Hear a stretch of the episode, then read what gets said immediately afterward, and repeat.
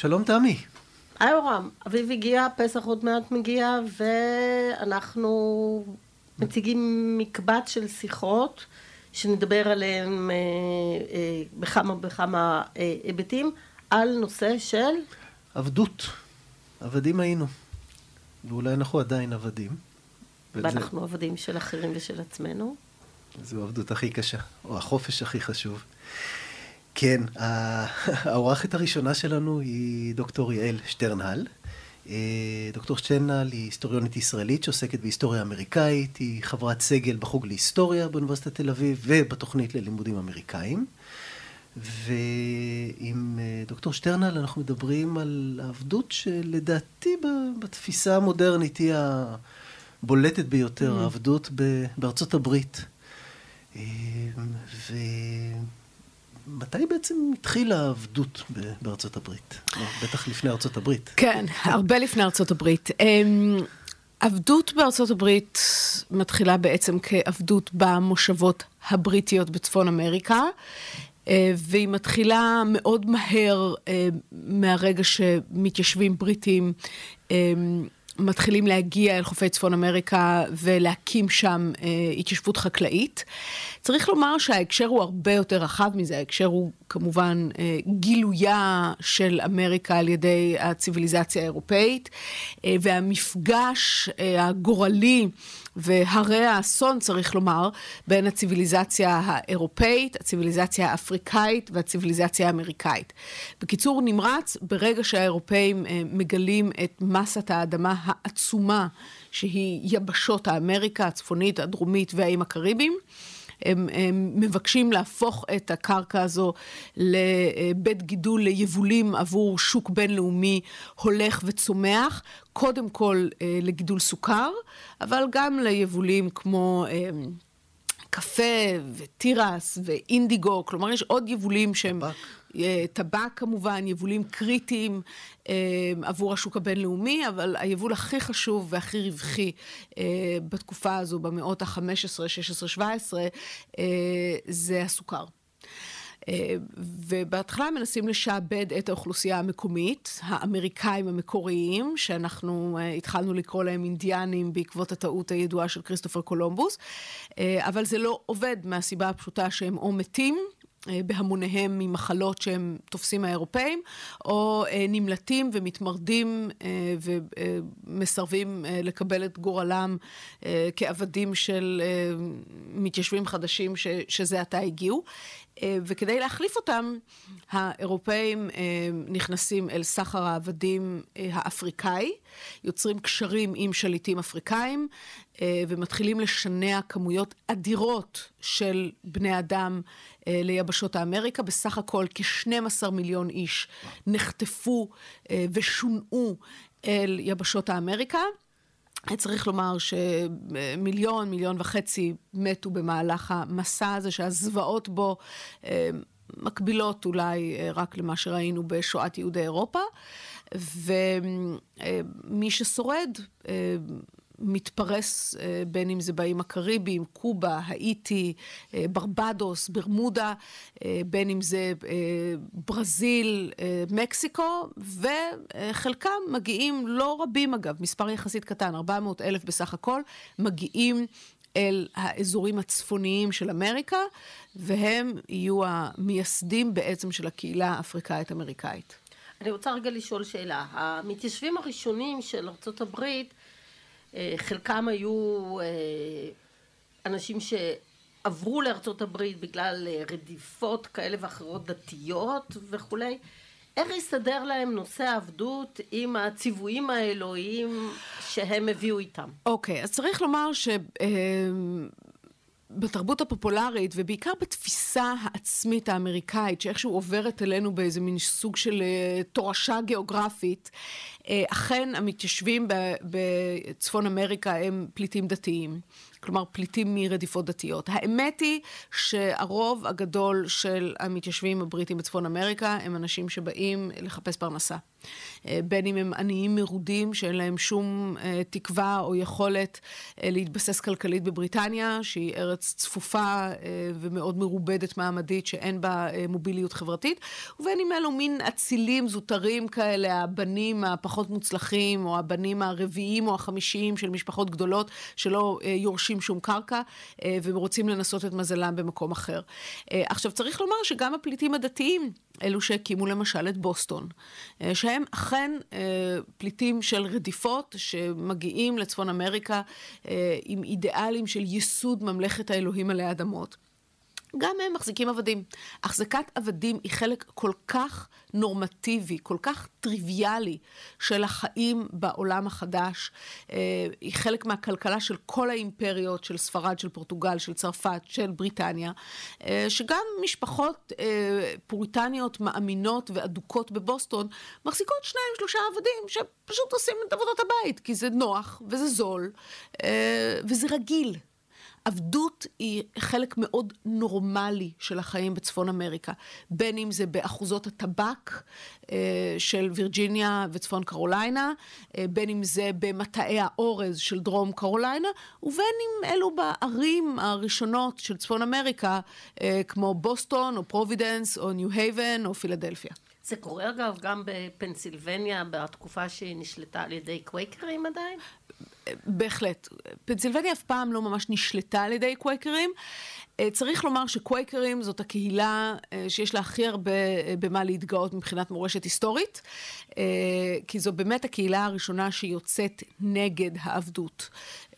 כבר במאה ה-18, מאוד מוקדם, היא מפתחת אידיאולוגיה אנטי-עבדותית ומנסה לשחרר את עצמה מהחזקת עבדים, אבל פנסילבניה מיושבת שוב על ידי, בעיקר צריך לומר, אנשים שפשוט רוצים להתפרנס, אה, שמגדלים חיטה אה, ושולחים אותה לאיים הקריביים, אה, הם סוחרים בתוך השוק הבינלאומי, וכוח עבודה משועבד הוא כוח עבודה יעיל לאין ארוך יותר מכוח עבודה לא משועבד, מהטעם הפשוט שאפשר לעשות לו כל מה שרוצים.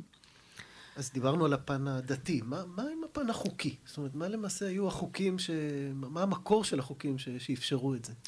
אז אה, כל מושבה מחוקקת לעצמה אה, חוקי עבדות, אה, אבל צריך לומר שהאימפריה הבריטית נותנת את חסותה לעבדות ומאפשרת עבדות. אה, כחלק, שוב, לגמרי נורמטיבי של צורת ההתיישבות שלה.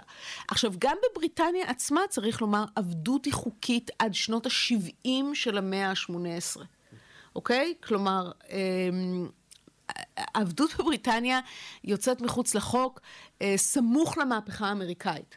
אז אה, לאורך רוב המאה ה-18, המאה של הנאורות, המאה שהביאה לנו אה, כמה מהרעיונות הנשגבים ביותר אה, שמאפשרים את הקיום הדמוקרטי והפתוח והשוויוני יחסית שאנחנו חיים היום, היא גם מאה שבה העבדות פורחת ומשגשגת בכל מקום בעולם החדש, כולל במקומות שהם תחת שליטה בריטית וכולל אפילו בבריטניה עצמה.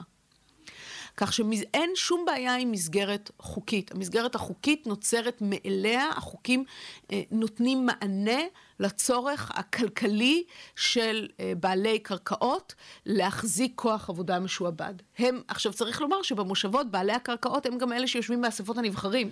הרי למושבות בצפון אמריקה יש בתי נבחרים. וירג'יניה מקימה לעצמה, המתיישבים בווירג'יניה מקימים לעצמם אספת נבחרים בשנת 1619.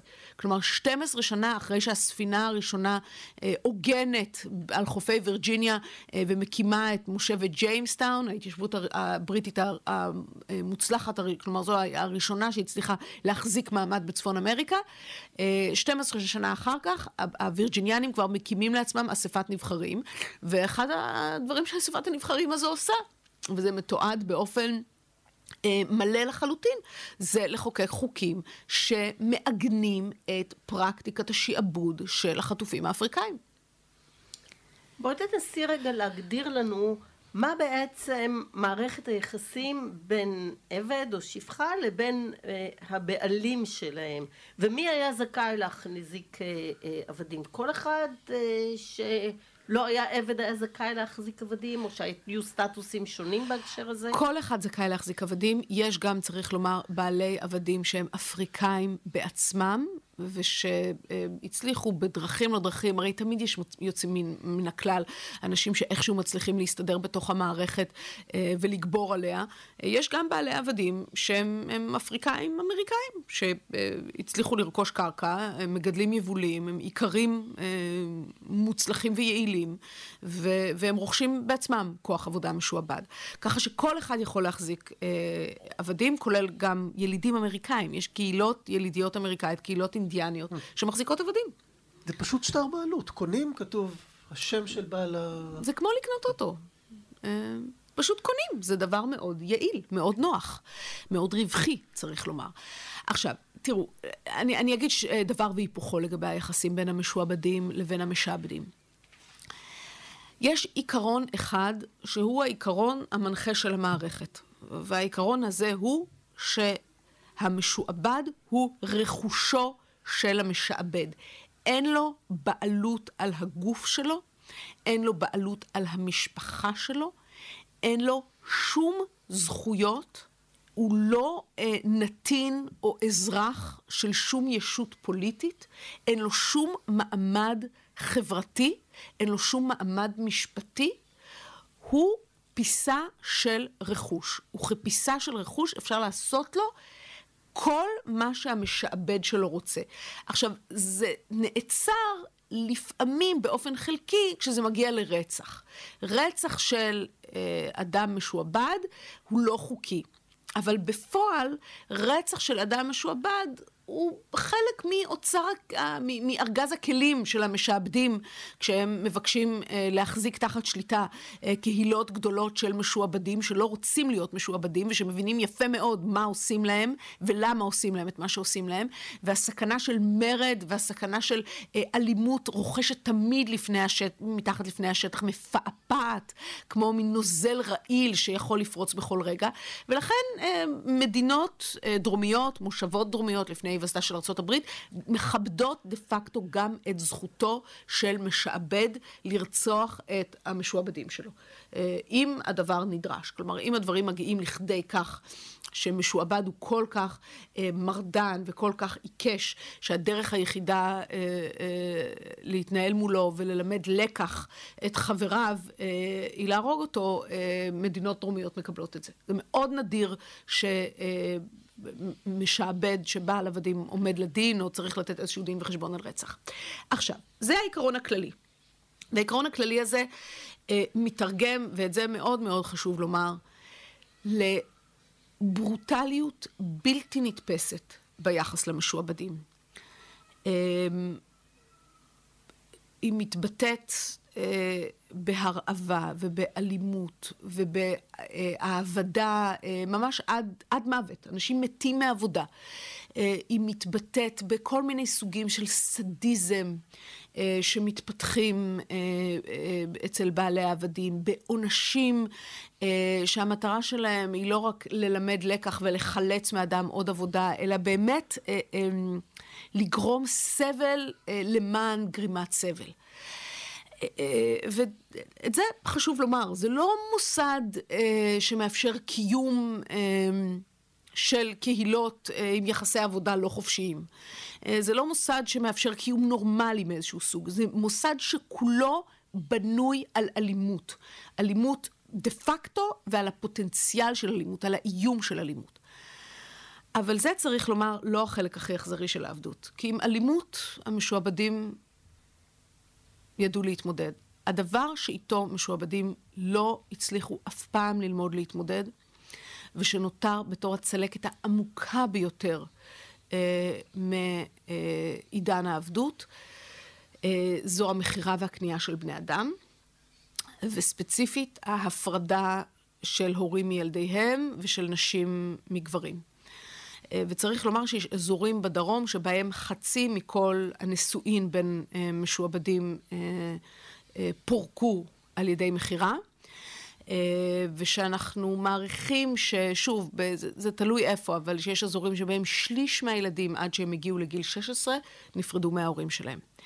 והחוויות של אימהות כשהן מאבדות ילדים שמוכרים אותם, כן, לפלך, מרחק של 500 מייל, 1,000 מייל, 2,000 מייל, זה, זה דה פקטו מוות. אה, זה דה פקטו להפוך להיות אם שכולה. והאיום שעבדים חיו איתו, שאדם הולך לישון, הוא לא יודע איך הוא יקום בבוקר. אה, אנשים הלכו לישון ולפנות בוקר גילו שהילדים נלקחו למכירה. אה, גברים ונשים אה, תוך יום אחד אה, מגלים ש, שמפצלים אותם ושמשק הבית מתפרק. זה החלק הכי אכזרי של העבדות, והחלק של העבדות שאיתו אנשים אף פעם לא למדו לחיות. כשאתה מדבר על טראומה בין-דורית, על טראומה ש, שקשה להתגבר עליה, יותר מאלימות, יותר מהרעבה, יותר מעבודת הפרך, יותר מהסבל הפיזי, אה, מההבנה שלי את המקורות, את הקריאה של באמת אין ספור עדויות של משועבדים לשעבר, זה פירוק המשפחה. את מתארת באמת במילים קשות מציאות ש, שאני לא חושב ש... שאנחנו לא מבינים, גם בתרבות הפופולרית העבדות תמיד מוצגת, כזה, בעיקר רואים את עבדי הבית, אה, מסתובבים לבושים יפה, אה, לא, לא רואים את מה שקורה בלילה. חלף. חלף עם הרוח, תשמעו, אני, אני את חלף עם הרוח מלמדת באוניברסיטה באופן אובססיבי, אה, וממש סצנה אחרי סצנה, כי חלף עם הרוח זה סרט שלאורך המאה ה-20, ובמיוחד ב, הוא יצא ב-1939, ראו אותו 90 אחוז מהמבוגרים בארצות הברית. כלומר, זה טקסט שאחראי יותר מכל טקסט אחר לעיצוב התפיסה האמריקאית והגלובלית, צריך לומר, על מהי העבדות האמריקאית. ועל מהות מלחמת העולם, מלחמת האזרחים. כן. ובהחלט, וה, וה, אה, וחלף עם הרוח מציג את העבדות בתור מוסד טוב ומיטיב, שבו המש... השפחות הן חלק מהמשפחה. ושיש יחסים של אה, אהבה אה, ומחויבות הדדית וכבוד הדדי אה, בין משועבדים למשעבדים. המשועבדים מציגים שם כמי שרוצים בעצם להיות חלק מהמשפחה הזו, שמרגישים איזו נאמנות ומחויבות אל מי שמחזיק אותם במצב הזה. צריך לומר, באמת יש מעט דברים רחוקים יותר מן האמת, צריך לומר, מעט הצגות פופולריות של של סיטואציות היסטוריות בצורה שהיא כל כך ההיסטורית ושגרמה נזק כל כך גדול ליכולת שלנו להבין את העבר האמריקאי כמו הסרט חלף עם הרוח. את היית אומרת שכשהסרט הזה נעשה ב-39 בעצם הייתה פה איזושהי כוונת מכוון? או שזה איזושהי פנטזיה שנועדה לניקוי המצפון תראי, זה סיפור, חלף עם הרוח זה סיפור מורכב, כי הוא מבוסס על רומן שכתבה... אה, מרגרט מיטשל. מרגרט מיטשל, שהייתה אישה דרומית אה, מאוד אידיאולוגית, צריך לומר, אה, שכתבה את הספר הזה בתור תשובה לאוהל הדוד תום של הריאט ביצ'ר סטו מהמאה ה-19, שהיה רב המכר הכי גדול באמריקה חוץ מהתנ"ך, במשך תקופה ארוכה. ומרגרט מיטשל מבקשת לכתוב את התשובה הדרומית, וצריך לומר, היא מצליחה.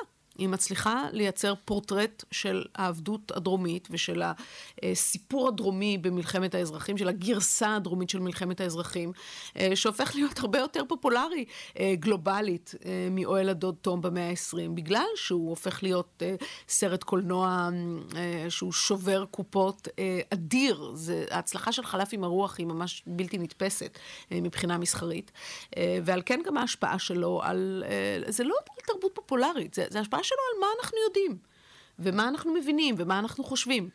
אה, ולכן הכוונה היא אידיאולוגית לחלוטין. צריך לומר שהספר, כשהוא עובר עיבוד מ...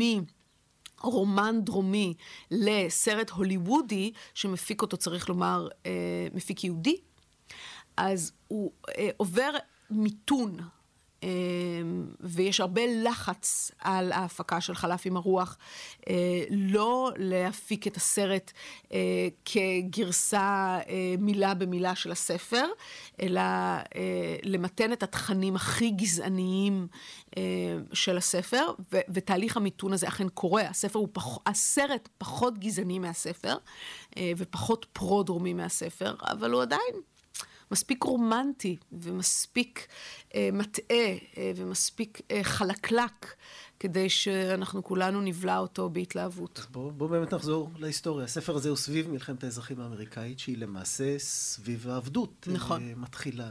אפשר לספר את הסיפור, אני לא בטוח שכולם מכירים. והאם בעצם העבדות הסתיימה אז, לא הסתיימה? אוקיי, okay, אז uh, כן, הסת, הסתיימה ולא הסתיימה, זה, זה אומר את הכל. Um, מלחמת האזרחים האמריקאית פורצת um, סביב שאלה uh, בסך הכל די פשוטה.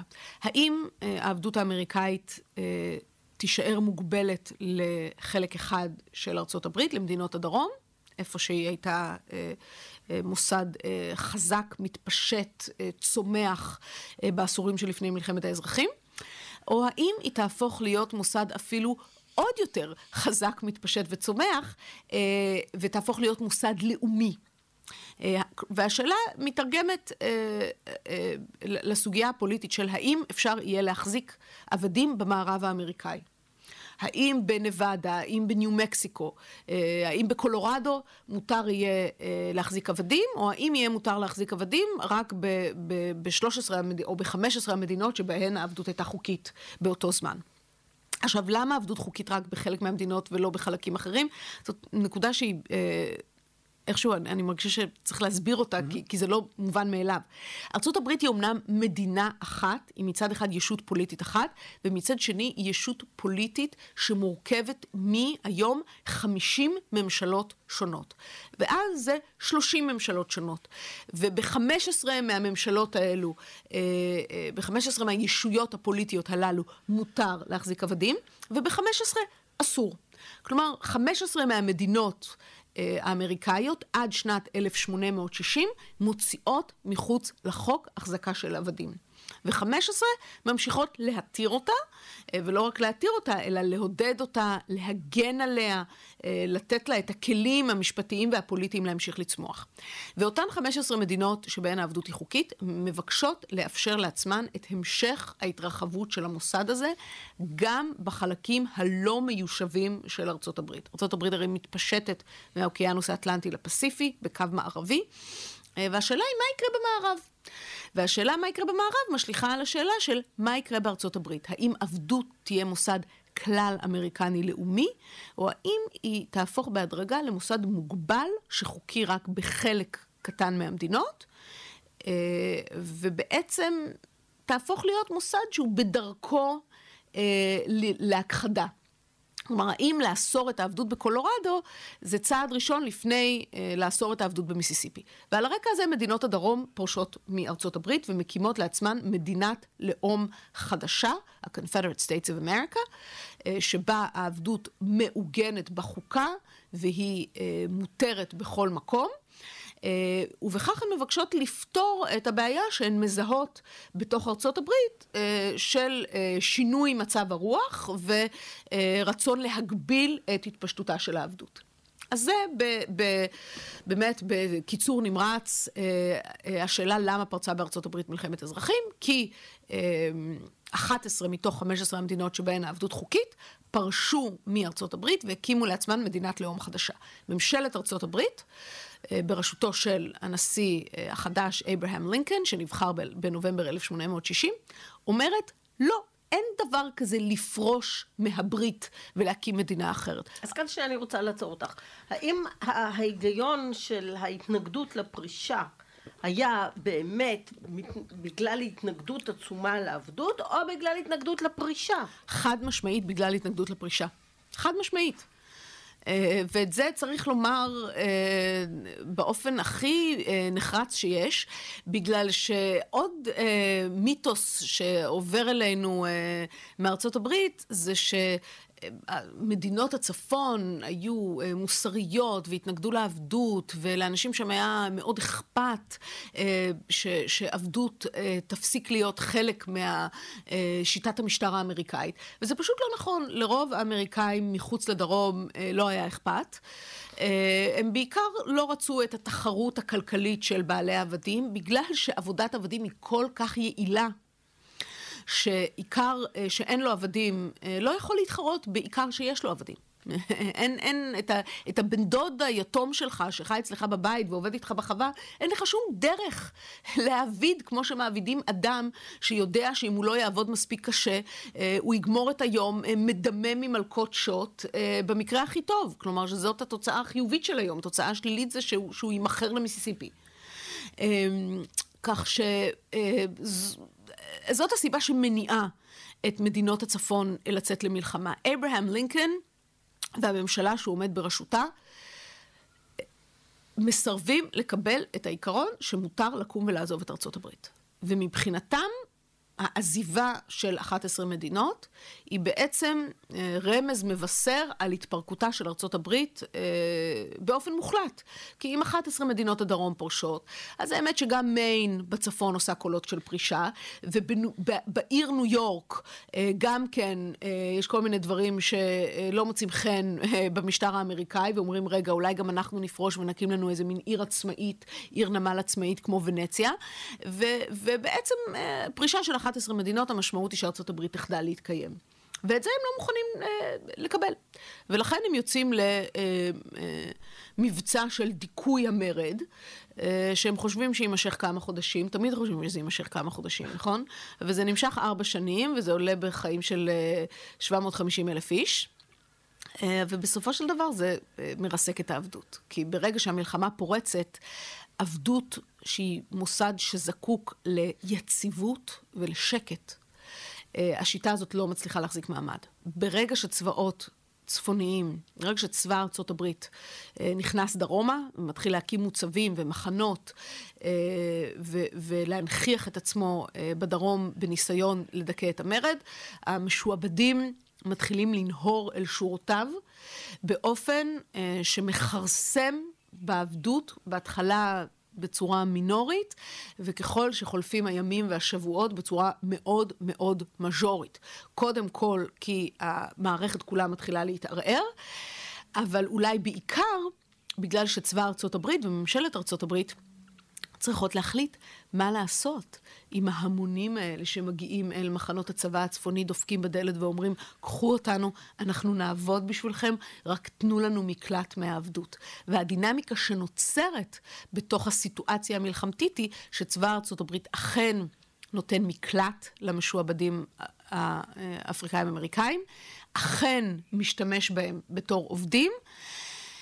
וככה אה, בתהליך אה, שהוא צריך לומר קונסיסטנטי, אבל הוא לא מהיר, הוא עדיין לוקח שנתיים, אה, מקבל על עצמו את פירוק מוסד העבדות, הן כדרך לנצח במלחמה, כדרך לגייס את ארבעת מיליון המשועבדים הדרומיים לטובת צבא ארצות הברית, והן מתוך הבנה שהמלחמה פרצה בגלל העבדות, ועד שהעבדות לא תעבור מן העולם, ארצות הברית לא תוכל לקיים את עצמה כמדינה יציבה, שבה אה, המדינות, התת-ממשלות האלו, יכולות לחיות בהרמוניה.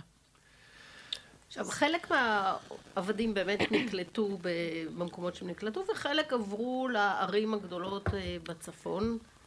ומה קורה שם? זאת אומרת, מה קורה לאלה שנכנסים לסביבה האורבנית האמריקנית אז, בצפון, אז, ואיך צריך... זה משפיע עלינו עד עצם היום הזה? אוקיי, אז צריך לומר אה, משהו נורא חשוב.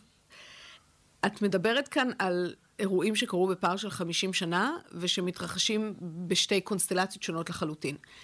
בסוף מלחמת האזרחים, שחורים מהדרום, המשוחררים, הטריים, לא עוברים צפונה. הסיבה שהם לא עוברים צפונה היא בגלל שאף אחד לא מוכן לאפשר להם לעבור צפונה. אין להם שם דיור, אין להם שם עבודה, אין להם שם חינוך לילדים, אין להם שם קהילות. בערי הצפון אה, קיימות קהילות של שחורים אה, חופשיים, שנמצאות שם חלקם עוד מהמאה ה-17. מדובר במשהו כמו 250 אלף איש שחיים בגטאות.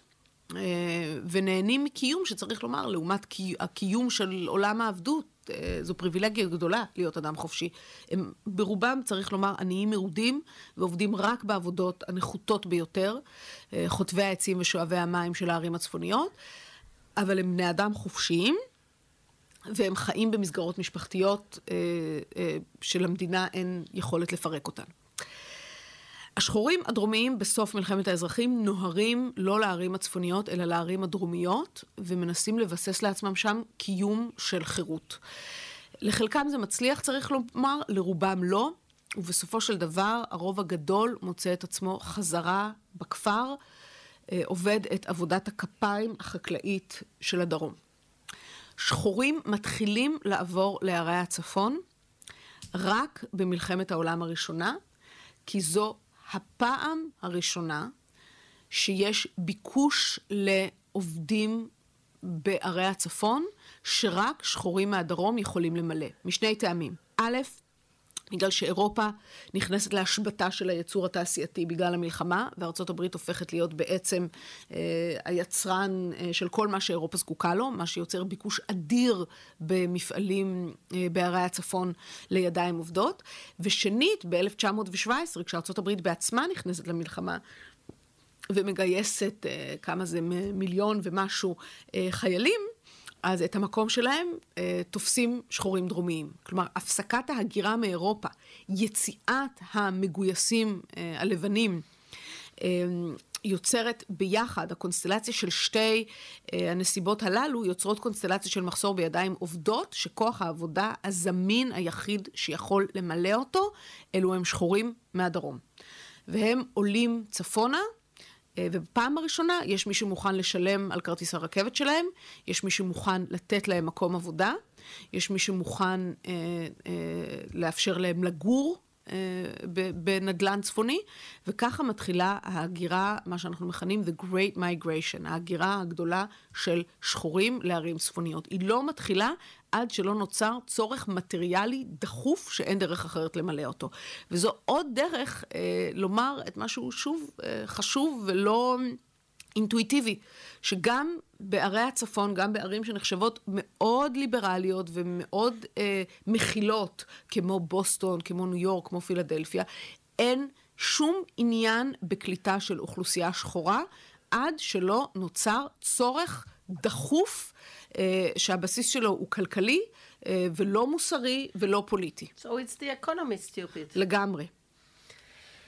אוקיי, okay, שאלה אחרונה, כי אנחנו כבר מסיימים. אה, בשנים האחרונות יש את הדרישה למחוק חלק מסמלים אמריקאים שהיום מזוהים, כמו ג'פרסון למשל, עם, עם, עם החזקת עבדים. איך, איך את רואה את הדבר הזה? תראו, אמ, אני חד משמעית מסכימה שאת הסמלים של הקונפדרציה, את הסמלים של מדינת הלאום שקמה כדי להנציח את החזקת האדם השחור בתור עבד, צריך להוריד.